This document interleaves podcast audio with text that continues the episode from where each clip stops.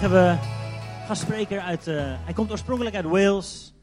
Ik zal hem straks eventjes kort introduceren. Neil Harvey woont samen met zijn vrouw Karen tegenwoordig in Engeland. Ze zijn de, de oversteek, hebben ze gewaagd. Ik heb Neil, wij hebben Neil tien jaar geleden leren kennen toen we in Denemarken bijbelschool deden. En we hebben sinds die tijd altijd leuk, goed contact gehouden. We komen elkaar nog regelmatig tegen als ik af en toe eens naar Engeland ga. En Neil is een kerel met een bijzonder verhaal. Een fantastisch getuigenis, hij zal het straks gaan vertellen. En um, hij heeft wat boeken bij zich, als je daarin geïnteresseerd bent, daar, daar staat zijn verhalen opgeschreven. We hebben gevraagd te komen om juist te vertellen over, over die omkeer in zijn leven in relatie tot gebed. We hebben het over, over dit vers wat in de Bijbel staat. Wij zijn een koninkrijk van priesters. Wat betekent dat nou? Daar denken we over na. Heere God, hoe heeft u ons gemaakt? En als we dat gaan ontdekken, dan kunnen we in zijn kracht gaan leven. Maar priesterschap heeft alles te maken met gebed en aanbidding. En de kracht van gebed. En soms denk ik, we zijn het kwijt. De kracht van gebed. Dat we dat echt snappen dat God gebeden wil beantwoorden.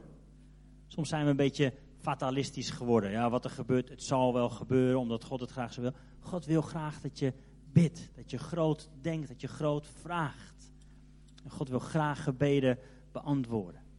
Nou, vandaag gaan we luisteren naar Niel. Dus ik zou willen vragen, ga eventjes staan, heet hem welkom met een mooi Edes applaus. Niel, dankjewel. Awesome.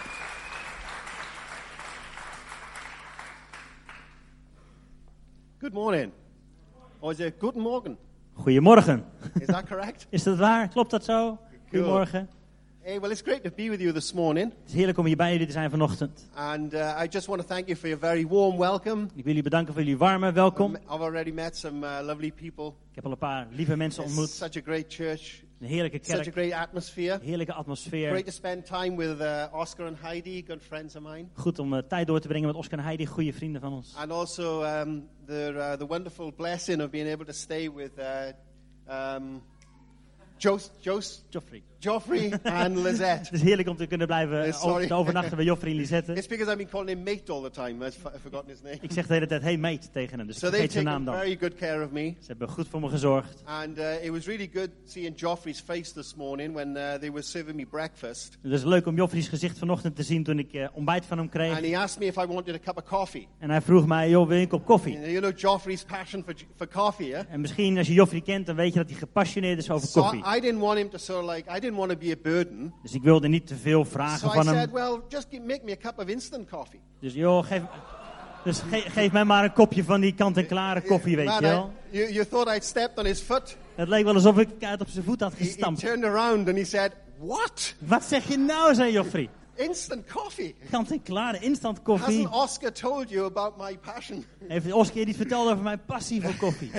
I should have known better Ik had het misschien moeten weten, being married to a Dane. Want ik ben getrouwd met een Deense. In, Dane, in Denmark, as you probably, probably know, En zoals je weet in Denemarken, is no instant coffee. daar doen ze ook niet aan instant koffie. It's just black coffee. Het is gewoon sterke No zwarte milk, no koffie. sugar. Geen melk, geen suiker. Okay. Praise God. So, um, yeah, so it's great to be here this morning. And I come from the uh, wonderful place called Wales. Dus eh, het is heerlijk om hier vanochtend te zijn, maar ik kom uit het hele mooie Wales. has anybody heard of Wales? Heeft iemand er ooit van gehoord? Great. Pe- people don't seem to know where it is. Niet, niet iedereen weet waar dat They is. just, they just talk about England. Ze hebben het wel over Engeland, maar, Where's Wales? maar waar is Wales? I remember meeting a guy once, Ik weet nog dat ik ooit iemand ontmoette. and he heard I had a, like an accent. Hij, had een, hij hoorde dat ik een accentje had. And he said, So, what part of Scotland are you from? En hij vroeg aan mij, zo, uit welk deel van Schotland kom jij? I said, I'm from Wales. En ik, ik kom uit Wales. He said, That's the best part. Oh, dat is het beste stukje, het beste stukje Schotland.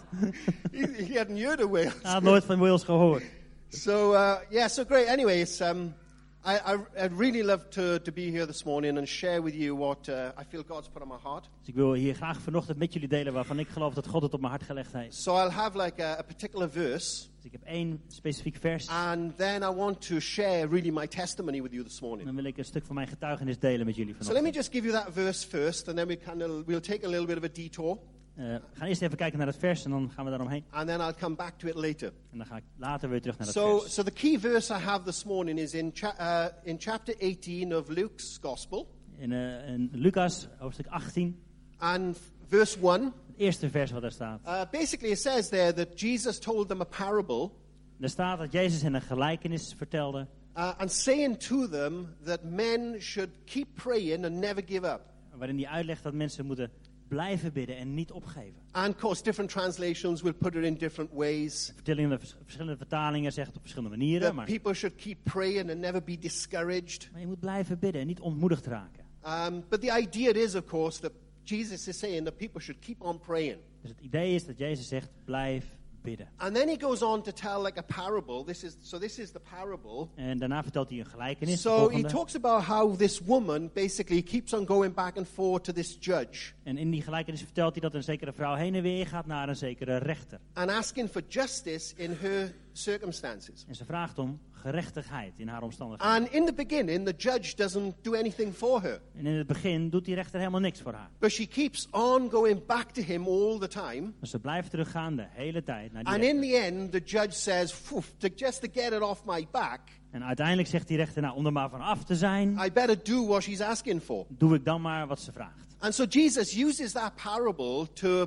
make the point Jezus gebruikt die gelijkenis om het punt te maken that we should have like the attitude of this woman dat we die houding van die vrouw moeten who hebben. keeps going back to the judge to ask for justice. Die telkens terug blijft gaan naar die rechter voor Of course, the gerechtigheid. main lesson is about perseverance. En het gaat om doorzetten, It's about persistence. volhouden. Now, I just want to clarify that, um, that the judge who's resisting her, En ik wil wel duidelijk hebben dat de rechter die haar tegenhoudt, that's not a good picture of God. dat is niet echt een heel goed beeld van And God. Jesus natuurlijk. isn't saying that that's what God is like. En Jezus zegt niet, oh dat is hoe God is. In fact, in the parable, you have a contrast and a comparison. Dus in, in die gelijkenis heb je een, een vergelijking en een tegenstelling. So the contrast Het contrast of de tegenstelling is the judge and God. is de slechte rechter en God. So God isn't like that judge. God is niet als die rechter. And I hope, actually, you know, you, of course, you can read, read that in the Bible that He's a generous God. Je kunt in de Bijbel lezen dat hij een, een vrijgevige God is. But I hope also this morning, when I share my testimony, you'll see once again something of God's goodness and generosity. En ik hoop dat het ook door mijn getuigenis heen duidelijk wordt. Iets van Gods goedheid. So that's the contrast. Dus dat is het contrast The comparison, like I've already said, is that Jesus is saying we should be like the woman. En de gelijkenis of de vergelijking is dat Jezus zegt, jullie moeten zijn zoals die And I think, I think the point that Jesus is making is that just it takes time sometimes to get breakthrough. En ik denk dat Jezus hiermee ook wil zeggen, soms kost het gewoon tijd voordat je doorbraak And ziet. even though it might take some time, En ook al kost het so- soms don't tijd, give up. geef niet op. Keep on going. Blijf doorgaan. And I could have even taken some, like some other verses from, from the New Testament in terms of prayer. En ik had wat andere versen uit het Nieuwe Testament over gebed kunnen kiezen. Paul mentions a few times um, about praying without ceasing. Paulus die heeft het een paar keer over bidden zonder ophouden. And I don't know what you think of what that means, Ehm, ik weet niet zo goed wat jij daarbij denkt. but I don't think it means like Paul prayed all the time without ever having a rest or sleeping or Ik denk anything. niet dat eh, Paulus alleen maar doorging met bidden zonder ooit te rusten of te slapen. I think what Paul means is that like he had a prayer topic, Ik denk dat wat Paulus bedoelt is, hij had een gebedspunt. and even though if even though he might have been praying for that prayer topic for five years, En ook al had hij misschien al vijf jaar gebeden voor het ene and if it gebedspunt. didn't if it didn't come to pass after five years, En ook al was het na vijf jaar lang nog niet gebeurd. Paul didn't cross it off his list and say, okay, I finished with that now, it hasn't worked. Dan haalde Paulus dat niet van zijn lijst van nou laat dat maar The zitten. point Paul is making is that I'm keeping that, that thing on my list Paul wil, Paulus wil hiermee zeggen, ik hou dat op mijn and I'm lijst. going to keep praying En ik blijf ervoor and I'm bidden. going to pray without ceasing. En ik hou het niet op om I'm daarvoor never te bidden. give up. Ik ga niet stoppen. So just putting that to one side then, I just want to share my story with you, okay, in terms of how people prayed for me.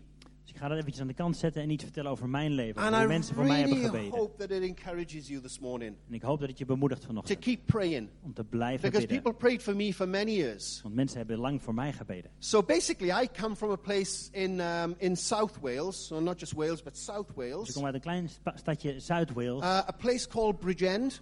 Uit Bridgend. Now, I don't know if you've heard of that place, but actually, Bridgend hit international news. Ik weet niet of je er ooit van gehoord heeft, maar ooit was het in het internationale nieuws. Um, about 10 years ago, Ongeveer tien jaar geleden we had like a load of suicides in the Bridgend area, waren er heel veel zelfmoorden juist in die omgeving. like up to about 30. Ongeveer wel 30. all in the space of about two years, Binnen ongeveer twee jaar tijd. and they all knew each other, all these kids. En al deze kinderen kenden elkaar. It was crazy. Het was te gek. And of course, people were talking then about, like, is there some sort of suicide pact or whatever? Eh, mensen hadden het erover. Heb- Is er een soort van afspraak gemaakt So the press were involved. Dus De, de pers kwam erbij. Um, you know, the Danes have even actually made a movie of it. Eh, s- s- Deens? The Danes. Oké, Yeah. stel Denen hebben er zelfs een film over gemaakt. So it hit international news. I don't know if you, if you heard about it. Was het in het nieuws? Ik weet niet of je ervan But I come from that area. Daar kom ik vandaan. And I actually was a pastor at that time. En ik was daar een And voorganger uh, in I die knew some of those kids.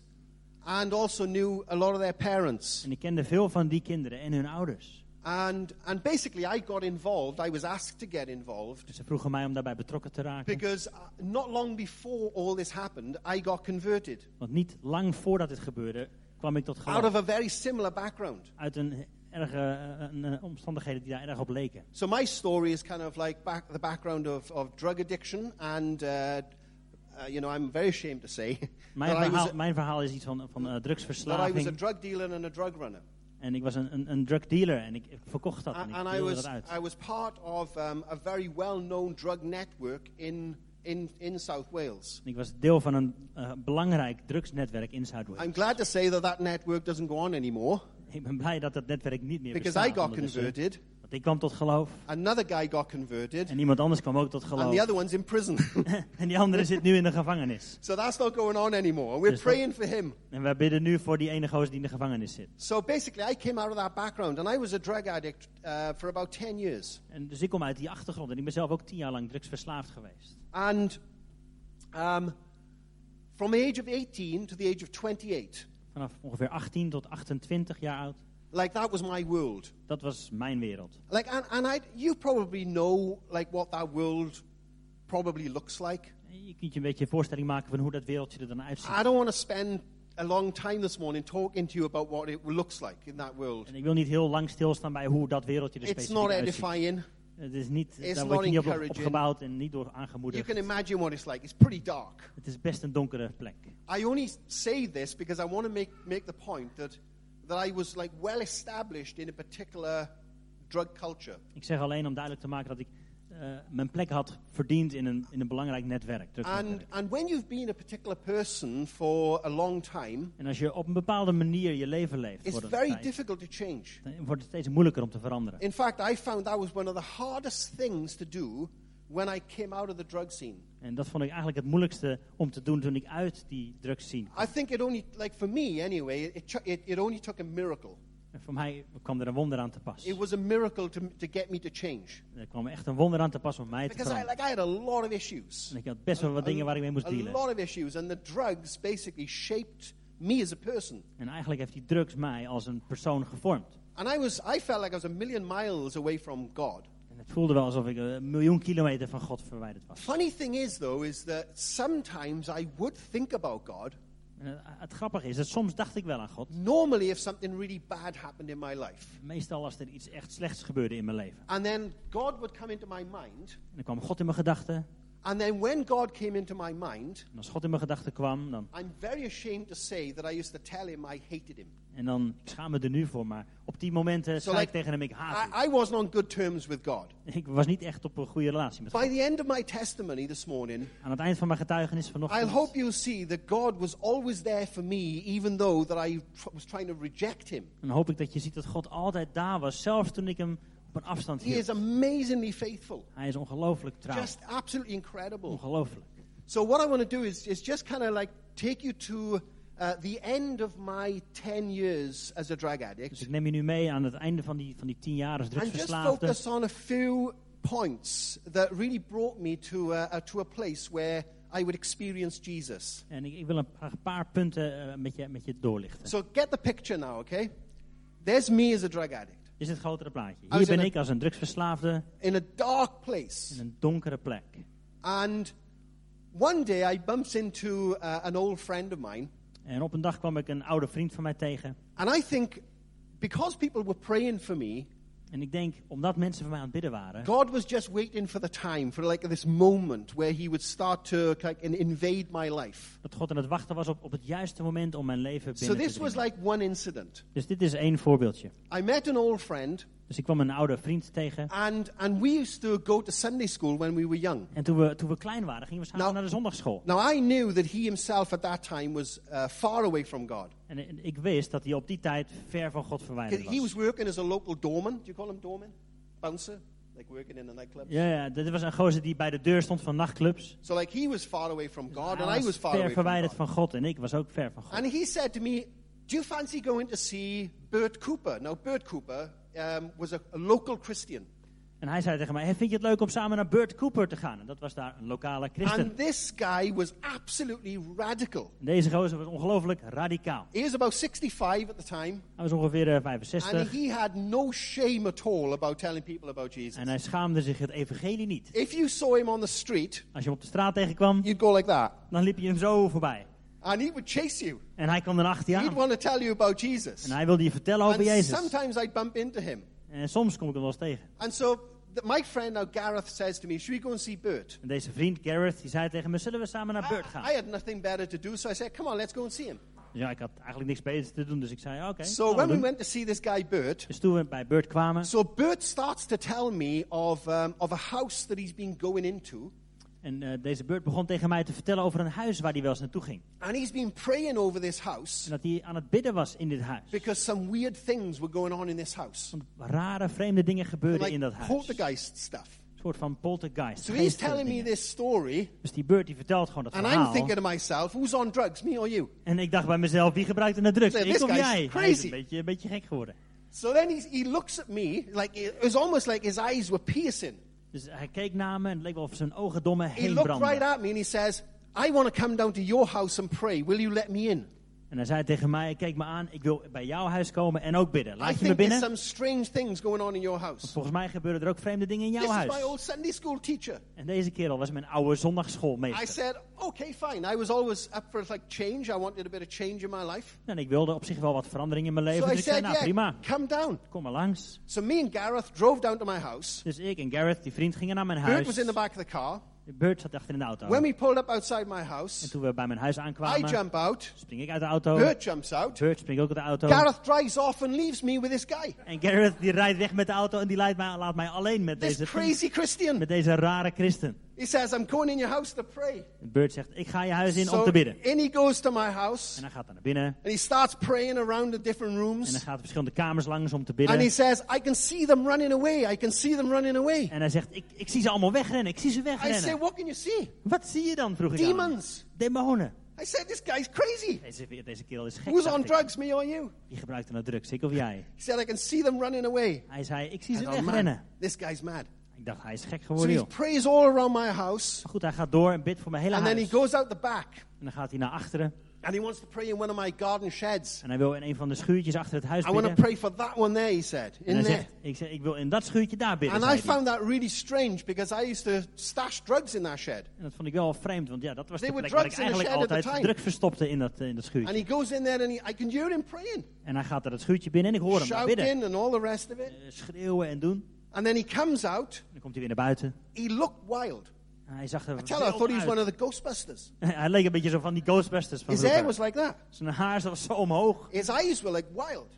Ogen waren And wild. he starts walking over to me En hij komt zo naar me toe gelopen. and he says, I want to pray for you. En nu wil ik voor jou bidden. So he puts his hand on my head. Dus hij poetst, legt zijn hand op mijn He hoofd. starts shaking me. En hij begint me zo te schudden. What's he trying to shake out of me? En wat, wat probeert hij uit me te schudden dan? He was just really, he, he was trying to get things to come out of me, whatever he thought. En hij wilde iets uit Some me sort krijgen of- wat hij ook dacht. Some sort of evil or something. Iets van kwaad of zo. And I was standing there. Dus ik stond daar It's maar. about two o'clock in the afternoon. Dus twee uur middags. And I was thinking to myself, oh my goodness, what if the neighbors see this? En ik dacht alleen maar, wat als de buren dit zien? They'll lock us up now. They'll put us in a hospital. Ze gaan ons opsluiten in een of andere gekkenhuis of zo. anyway, Bert went off to his, he left my house. Uiteindelijk, Bert ging uit mijn huis weg. And uh, he had an, another appointment, Nog whatever he said. I don't know what that meant. But you know, the funny thing is, for like three days, I didn't take any drugs. Maar het bijzondere is, drie dagen, de drie En- dagen daarna gebruikte ik And I geen felt drugs. like a bit of an atmosphere change in my house. En het voelde wel alsof de atmosfeer in mijn huis veranderd was. because I must be honest, I did sense there was like a presence in my home. Want inderdaad, ik voelde altijd wel een soort van aanwezigheid in mijn It's huis. like I'd opened the door to something to come in, I'm sure. Eh, het lijkt wel alsof ik ooit een deur had geopend voor iets slechts om binnen te komen. Anyway, after three days, I went back to the drugs. Maar goed, na drie dagen ging ik wel weer I terug naar de know any drugsgebruik. different. Huh? I didn't have anybody to connect with. Ik wist niet beter. Ik had niemand die naast So me I stond. just went back to what I knew. Dus ik ging terug naar dat wat ik kende. Anyway, not long after, Niet lang daarna a really good friend of mine committed suicide. Pleegde een hele goede vriend van mij zelfmoord. This was before these other suicides in Bridgend. Dit is voor die eh, grote, eh, alle andere zelfmoorden in Bridgend. he, he, he hung himself. Maar hij hing zichzelf op. And it absolutely ripped my guts out. En het, het verscheurde me totaal. Crying all the time. Ik huilde de hele Just tijd. absolutely heartbroken. Ik was- we mijn were, hart was we gebroken. were really close. Want we waren echt goede vrienden. Now, not long after that, one day I felt this really strong urge to go and see these other people from Sunday school that I knew. En niet lang daarna voelde ik toch een soort van aandrang om die I'm- vrienden van vroeger van like zondagschool nog eens te it bezoeken. was God, you know? It was God giving me this strong pull. En achteraf denk ik, dat was God die So mij die aandrang I gaf. went over to see this, these people that I knew from Sunday school. Dus ik ging toen naar die mensen die ik nog kende van vroeger als jochie, I was, zondagsschool. I was a broken person. Ik was een gebroken man. I'd been up for nights on drugs Ik was nachtenlang because wakker I door was drugs. uh, amphetamines. I was doing a lot of amphetamines. They keep you up awake, you know. Amfetamine en die houden je echt So I wakker. went- I went over and knocked his door, and I, he called me in. Dus ik, ik klopte op zijn deur en ik mocht naar I binnen. told him about my friend committing suicide, En ik vertelde over mijn vriend die zelfmoord had gepleegd. and he kind of really shared his heart with me, you know, about God's love. En deze man begon zijn hart over Gods liefde met I'll mij be te honest with delen. you, at the time it didn't make a lot of sense. My mind was too uh, muddled up. Eh, op dat moment maakte, kon ik er niet echt bij me. Mijn did- gedachten waren te vol. He did pray for me, Maar hij bad wel voor mij toen. and then he gave me a Bible. En toen gaf hij me een Bijbel. And the Bible that he gave me was like this uh, message Bible. En die Bijbel die hij me gaf was een, een message Bijbel. Een It's soort like Bijbel in gewone taal. easy to read kind of language, you know? Een eenvoudige taal, makkelijk te begrijpen. So I never actually read the Bible, Dus ik, ik eh, las die Bijbel but I eigenlijk kind nooit. of built a shrine in my, in, in my attic, in my house. Maar ik, ik ging wel in mijn huis een soort van altaartje bouwen met And de Bijbel like er zo bij. three items. I had a Bible, En ik had daar zo'n Bijbel staan a cross. en een kruis. I don't know why I had a cross there, but it was a cross. Ik weet niet waarom ik het had neergezet, maar And een, like a leaflet from my friend's funeral. En ook een, eh, een briefje van, eh, van de begrafenis. And I used to just sit there doing loads and loads of drugs and just thinking about my friend. En, en dan zat ik daar en dan deed ik, And gebruikte ik drugs, maar ik dacht wel aan die vriend. life. Thinking about life, trying to figure it out all out. En ik, ik dacht na over het leven om het te gaan begrijpen. Anyway, not so long after, En niet zo lang daarna I got raided by the police. Eh, kwam de politie mijn huis binnengestormd. And when the police raided my house, they found the Bible. En toen de politie mijn huis aan het doorzoeken was, vonden ze die Bijbel. And they looked inside, and it said inside the, the names and the address of these people that gave me the Bible. En toen ze binnen in die Bijbel eh, keken, toen stond daar een naam en adres van die mensen die mij die Bijbel hadden You'll never gegeven. believe geschreven. it. The police thought I'd burgled their house and stolen Bible. En die politie dacht, hij heeft vast ingebroken bij deze mensen om een Bijbel te stelen. How many burglars do you know steal Bibles? Hoeveel inbrekers kun jij die Bijbel stelen? In fact, I've said that twice now in two different meetings, and two both times somebody's come up to me afterwards and said they had a burglar in their house and stole their Bible. Ik heb het al vaker verteld. Het is twee keer gebeurd dat mensen na de dienst naar me toe So kwamen om te zeggen... Bij mij anymore." gebeurt dat mijn Bijbel gestolen is. Maar goed. so anyway, the point I'm making is that what this was doing was that it was putting me on the radar of these Christians that I knew from many years ago. En wat er hiermee gebeurde is dat het mij op de radar bracht van deze christenen die ik nog van vroeger kende. And they upped the prayer. En zij begonnen te bidden voor me. And I started to feel a battle going on in me. En ik begon een strijd binnen in Like mij a, te voelen. it was really strange. I could sometimes feel like a washing, like a, my stomach going around and round and round. leek Like soms zelf- was happen. Het leek soms zelfs alsof mijn maag een wasmachine was die maar aan het ronddraaien was. Net of er iets stond te gebeuren. Man, I was out one day, like with my friend in the car. We were doing our round, collecting money. En op een dag was ik samen met een vriend in de auto geld aan het halen van drugsgebruikers. And I, in, like in a really dark world. Een echt een donkere wereld. And I said to my friend, Ik zei tegen mijn vriend. I said, Mark, I don't know what's happening to me. En hij zei, ik heb geen idee wat er met me gebeurt. I, I said, I feel like I want to climb out of my skin and start a new life. Het voelt net alsof ik uit mijn lijf wil klimmen om een nieuw leven te I beginnen. mean, what on earth is a person saying that? Like me saying that? Then Hoe, hoe kon het dat ik zoiets zou zeggen? something was going on. Iets gebeurde er binnenin. But I, I, as a person, was like I was starting to fall apart. Maar als persoon begon ik uit elkaar te vallen. I had emotional problems. Emotionele problemen, Um, I had mental problems. mentale problemen. So I had to see a psychologist once. naar een psycholoog toe. things and and bas- I'll tell you a really funny story. I got like I just to make the point of how broken I was and how messed up Om I uit te was. leggen hoe gebroken ik was. I was struggling with uh, psychosis. I don't know if you if that translates. Ja, ja, ik had, ik had heel veel last van psychoses. because of the amount of drugs I was doing. Dat is wat onder andere drugs kan And I don't know what it is about like taking drugs and this psychosis stuff. En ik weet niet precies wat het is met drugs en psychoses. Maar, But you can kind of come up with some really wild, mad ideas. en het kan er wel voor zorgen dat je hele rare, vreemde ideeën krijgt. It's like you start to sort of go into this world of sort of like it- I think it's developing uh, like a mental illness. En het lijkt wel alsof een hele bijzondere, aparte wereld aan het ontstaan is. I could introduce you to loads of people who are addicted to drugs, En ik kan je voorstellen aan heel veel mensen die verslaafd waren aan drugs. and they will tell you things like, you know, like they're famous. En die, die zullen je vertellen dat ze echt dachten dat ze And wereldberoemd of course they're waren. not. Maar dat waren ze niet. Maar Or they, they're just making up stories in their own head. ze begonnen gewoon verhalen in hun hoofd te And verzinnen. I did that. En dat deed ik ook. Man, I was losing my mind. Ik was echt mijn verstand aan het I kwijtraken. actually thought I invented something. En ik dacht echt dat ik iets bijzonders had uitgevonden. It's really funny. I'll tell you, I'll tell you what, what I thought I invented. Ik zal je vertellen wat ik dacht dat ik had In uitgevonden. fact, years ago, I wouldn't have told you because I thought you'd steal my idea. Jaren geleden had ik je dit dus niet verteld, want dan ging je mijn idee stelen. I natuurlijk. sometimes, when the police used to uh, search me on the streets, Soms als de politie mij aan het onderzoeken was op straat, I used to wrestle with the police because they were searching in my bag. en dan, dan ging je echt eh, een beetje worstelen met de politie, want ze They were zochten in mijn tas. drugs. Ze, ze waren aan het zoeken I naar thought they drugs, were looking for my idea. maar ik dacht dat ze aan het zoeken waren naar I'll mijn tell you my idee. idea now. I thought I'd hit it big time. En ik zal je vertellen wat mijn idee was. I thought I was the next Bill Gates. Ik dacht dat ik de volgende Bill Gates was. Here's the idea. When I say it to you, right, you'll think it's pretty a good idea, actually. Dit is mijn idee. En als je het hoort nou, dan zul je wel I verbaasd zijn. thought that I'd invented invisible paint. En ik dacht dat ik onzichtbare verf had I thought uitgevonden. if you can make an outfit and, and spray it with like a mirrored surface, En dus ik dacht als je, als je nou een outfit zou kunnen verzinnen en je zou dat onder, onderverven met een it speciaal... will like change colors as it's within its surroundings. En dan zou, je, dan zou het kleur ver- verspringen waar je ook was. Have you seen the film Predator? Heb je Predator gezien, die film? I was going to sell, sell my idea to the military En ik, ik zou mijn idee gaan verkopen aan een, aan een militaire. for millions of pounds. Voor miljoenen pond. I thought, man, this is the greatest idea that anybody's ever come up with. Dat is het beste idee ooit. I was so convinced about my idea. Ik was zo overtuigd van mijn idee. I walked into a bank, En ik ging bi- binnen bij een bank. straight to the front of the queue. Gewoon helemaal naar vooraan. De, de rij voorbij. Hup, iedereen wegwezen. Ik ging naar voren. Ik ging naar voren. I said, I want to speak, I want to see the bank manager. En ik zei, ik wil de bankmanager spreken. She said, what do you think you're doing? You can't just walk to the front of the queue. Ze zei, wat denk je dat je aan het doen bent? Je kunt niet zomaar die hele rijen voorbij Do you know what I lopen. said to her? En weet je wat ik zei? Do you know who I am? Weet je wel wie ik ben?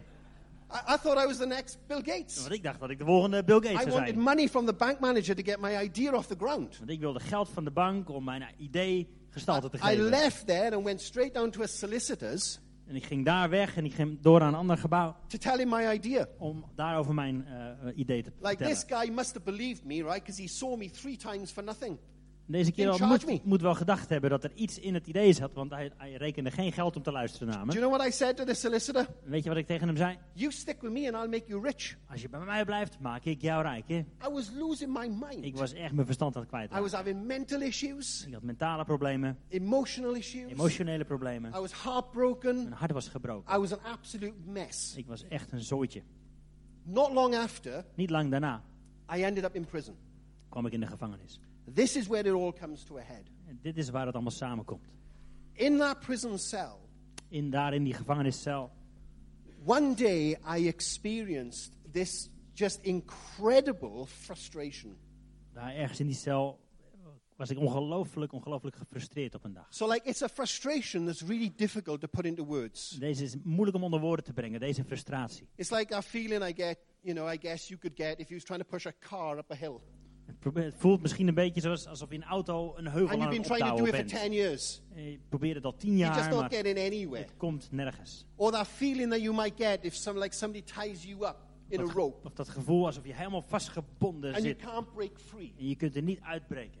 I had that feeling. Dat gevoel, It's difficult to put into words. moeilijk om onder woorden te Like brengen. inside, Van binnen I looked back over my life keek terug op mijn leven. and I thought to myself, man, Neil, what have you done? En ik dacht, Neil, wat heb je I gedaan? was trying to retrace my steps to see like where I, it had all gone wrong. En ik probeerde stap voor stap terug te kijken, waar, waar is het And like, misgegaan? it was like I was in a maze in my own mind. I couldn't find any answers. Net of ik in een, in een gevangenis in mijn, eigen, in mijn eigen hoofd zat. It's like I had lost all hope. Alle hoop was weg. I was literally in despair.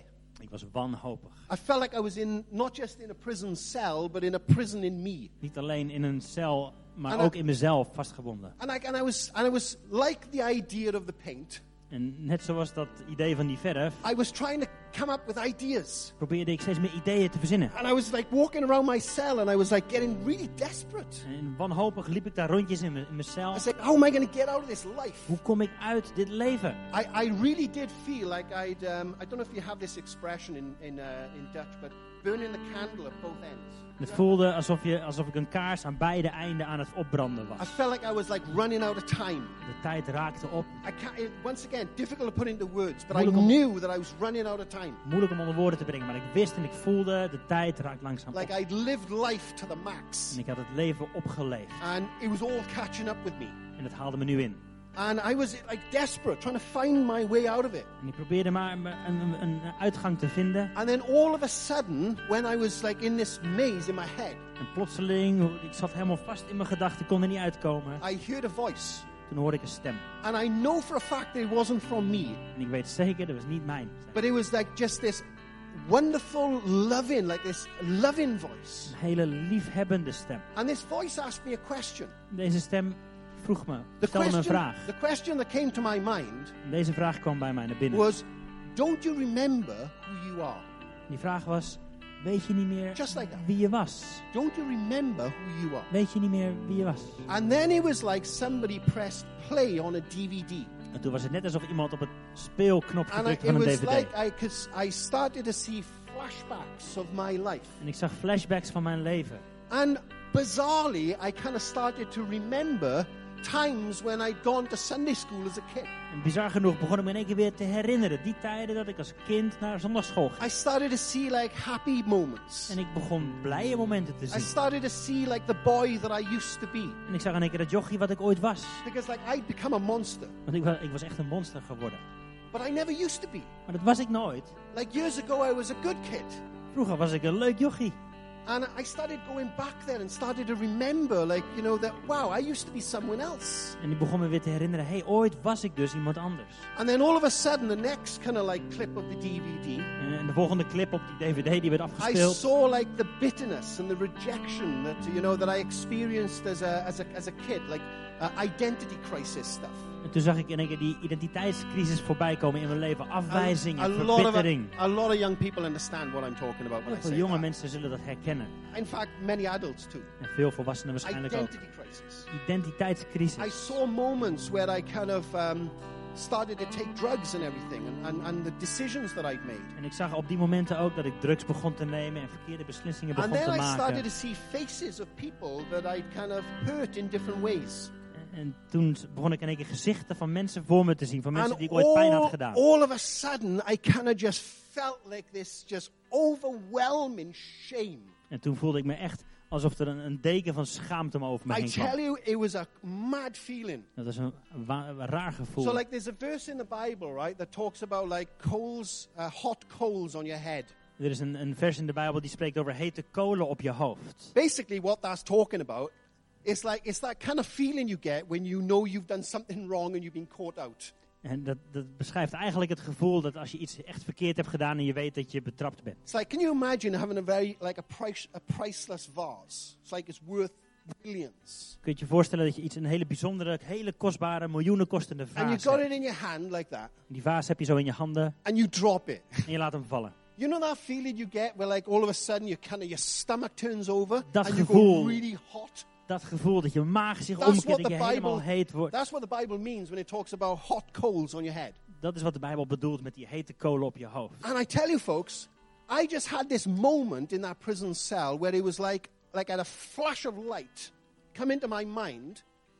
En dat moment daarin in die gevangeniscel ervaarde ik dat op die manier. And I saw what I'd become. En ik zag wat ik geworden was. And I saw what I had done with my life. En ik zag wat ik met mijn leven had And gedaan. it was like, oh my goodness, what have I done? En het was echt oh nee, wat heb ik It's like gedaan? I'd realized that I'd squandered life, you know? Echt alsof ik mijn leven had vergooid. So I was kind of feeling in despair. Dus ik was echt wanhopig. And then next thing I heard that voice speak to me again. En toen hoorde ik opnieuw die lieflijke stem. And the voice said to me the second time, En de tweede keer zei deze stem, Neil, if you want a second chance, I can give you another chance. en deze stem zei, Neil, als je nog een tweede kans wil, dan kan ik je die kans Now, geven. when I heard that statement, En toen ik dat hoorde, I just knew, toen wist ik, like in my heart, I just knew toen wist ik in that van binnen, whoever it was that was speaking to me dat wie het ook was die tot me sprak, had the power to change me as a person. die had de kracht om mij als persoon te There veranderen. was like a promise in that statement that I knew was true.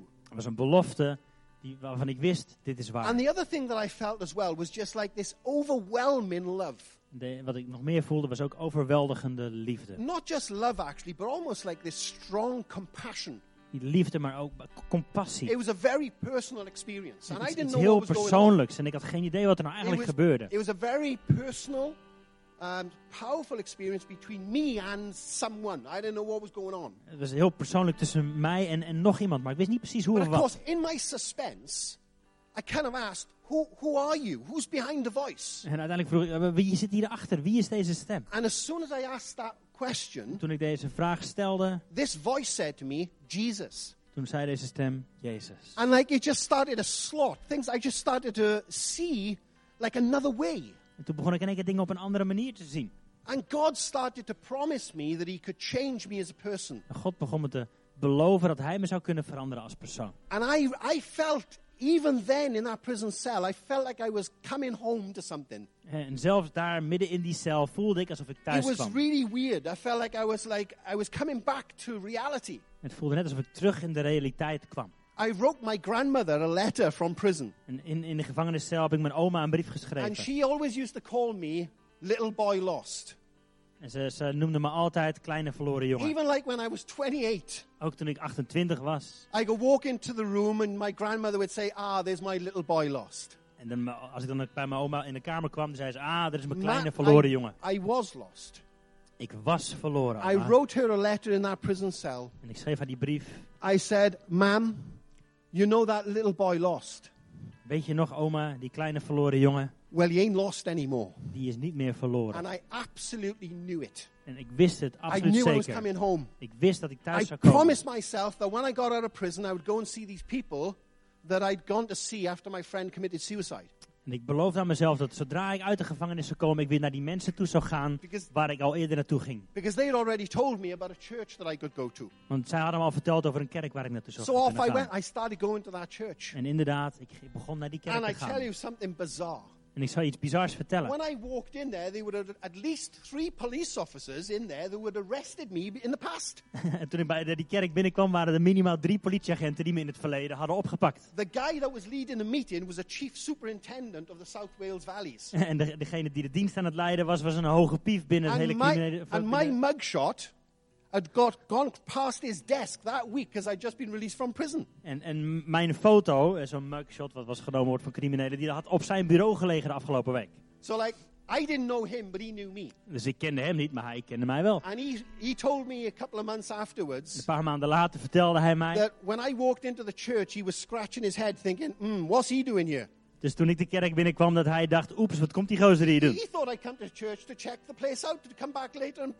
Dus hij dacht dat ik de kerk binnenkwam om een beetje te kijken wat er allemaal te jatten viel. So there was another police officer over there who had arrested me for driving a stolen car. En daar zat nog een politieagent die mij had gearresteerd omdat ik een gestolen auto had there, and they gereden. were like all worshipping, hands up in the air and all this. En er stonden allemaal politieagenten God te aanbidden, zo handjes omhoog. There was another one over there who had arrested me. En daar stond er nog een die me had And I gearresteerd. thought to myself, God, you've stitched me right up. En ik zei, zei tegen mezelf, Heere God, u heeft me wel op een rare plek gebracht hier. Bizarrely, I became their pastor. En een paar jaar later, bizar genoeg, werd ik hun Because voorganger. not long after, I became ordained as a pastor. Want ja, een paar jaar daarna werd ik inderdaad als, als eh, voorganger And the geïnstalleerd daar. guy that, that, uh, you know, from the chief superintendent, actually, I became a team member of his. We En- worked together. En de, de, de oude leider van de kerk en ik samen, wij werden een team die de kerk ging leiden. And I just want to finish with this point. I just started then to hear the stories.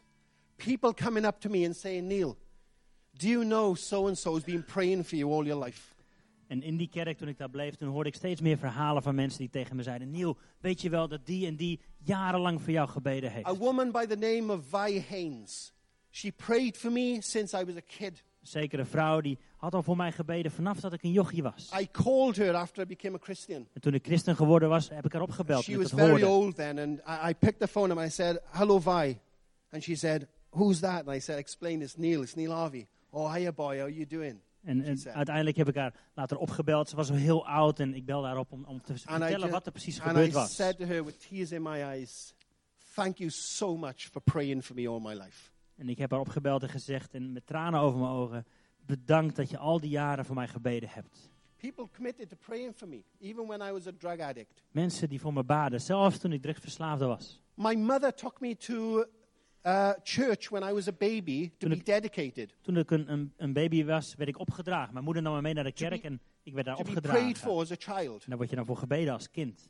And a pastor who did that, En de voorganger die dat toen deed, I went up to him afterwards and I said, I heard you, you dedicated me as a baby. en ik ging later dus naar hem toe en ik zei, hey, ik hoorde dat je me hebt opgedragen als And he, baby. and he said with a big smile on his En face, met een grote glimlach op zijn gezicht, Yeah, and didn't I do a good job of it? zei hij, en heb ik dat niet op een goede manier gedaan? Heb ik dat niet And the gedaan? stories, just the stories of people committing to prayer. En steeds meer verhalen van mensen die voor mij gebeden So hadden. I know this verse very well. Dus ik ken dit Bijbelvers heel goed. When Jesus says, men and women, of course, should keep on praying and never give up. Dat Jezus zelf zegt, mensen moeten blijven bidden en niet The opgeven. reason why I took that particular verse De reden dat ik dit vers heb uitgekozen vandaag, is because in it, it talks about a parable, doesn't it? want het gaat hier ook over die gelijkenis. And Jesus told me not long after I became a Christian En niet lang nadat ik christen werd, zei Jezus tegen use, me he would use my story as a sign. Dat hij mijn verhaal als een teken zou gebruiken. My story is a message. Mijn verhaal is een boodschap. It's a message to all you people who are praying for family, family Het members. is een boodschap voor mensen die nu aan het bidden zijn voor familieleden. I was in hospital once after, after an overdose, a drug overdose. Op- ooit was ik in het ziekenhuis nadat ik een overdosis had ne- I genomen. nearly died. Ik was bijna dood. My mother went to the church En mijn moeder ging toen naar de kerk. and she went to the front after a meeting and asked the pastor to pray with her. En ze ging na de dienst naar voren en ze vroeg aan de voorganger om I met was in a haar te bidden. down the road En ik lag toen in het ziekenhuis. for me in the church. En in de kerk waren ze voor me aan het bidden. And I think at the end of my 10 years as a drug addict, all this came together. En aan het eind van die tien jaar drugsverslaving kwamen deze dingen allemaal samen. And those prayers, they clicked. En al deze gebeden kwamen, te, It kwamen gave samen. God room to be like for his power to come into my life. Net of het voor God ruimte had geschapen om met zijn kracht in door te breken. And guys, I could talk to you all day, En ik all kan, day, ik kan de hele dag wel doorpraten. about the faithfulness and the love of God. Over de goedheid en de trouw van God. I wish I had all day with you Ik wou dat ik de hele dag to had. tell you about Jesus, Om je te vertellen over to Jezus. tell you about how he can change someone who you think would, could never be changed. Om, om je te vertellen dat hij mensen kan veranderen waarvan jij denkt, dat is hopeloos. My story is a sign. Mijn verhaal is een teken. When you're praying for family Als members, je aan het bidden bent nu voor familieleden, don't give up. geef niet op. Don't cease from praying. Stop niet met bidden. It might take 20 years, Misschien duurt het wel twintig jaar. but I tell you, when you pray, something is going on. Maar ik verzeker je dat als jij bidt, dan gebeurt er And iets. God will wait for the right moment. En God wacht op het juiste moment. He's not forgotten. En hij vergeet het niet. And so I hope and pray that my story this morning Dus ik hoop en bid dat mijn verhaal vanochtend has encouraged you to keep praying. je aanmoedigt om te blijven Because I bidden. myself am a testimony. Want ik ben een getuige. If it wasn't for the church Als het niet voor de kerk was geweest and God using the church, en God die die kerk I gebruikt, would be either dead now was ik nu of dood or in some mental hospital of ergens in een soort van gekke or huis. living in the gutters. Ergens in de goot. Man, I tell you, I've come out of the ashes Maar ik ben uit die as opgestaan. and I've experienced resurrection En ik heb de opstandingskracht van Jezus because of ervaren. Jesus and because of the church praying. Door Jezus en de kerk die aan So het bidden God is. bless you Dus your God journey. zegene u op je, op je reis. Amen. Amen. Amen. Dank u. Zullen we gaan staan, mensen? Heer Jezus, dank u wel dat u trouw bent aan uw woord.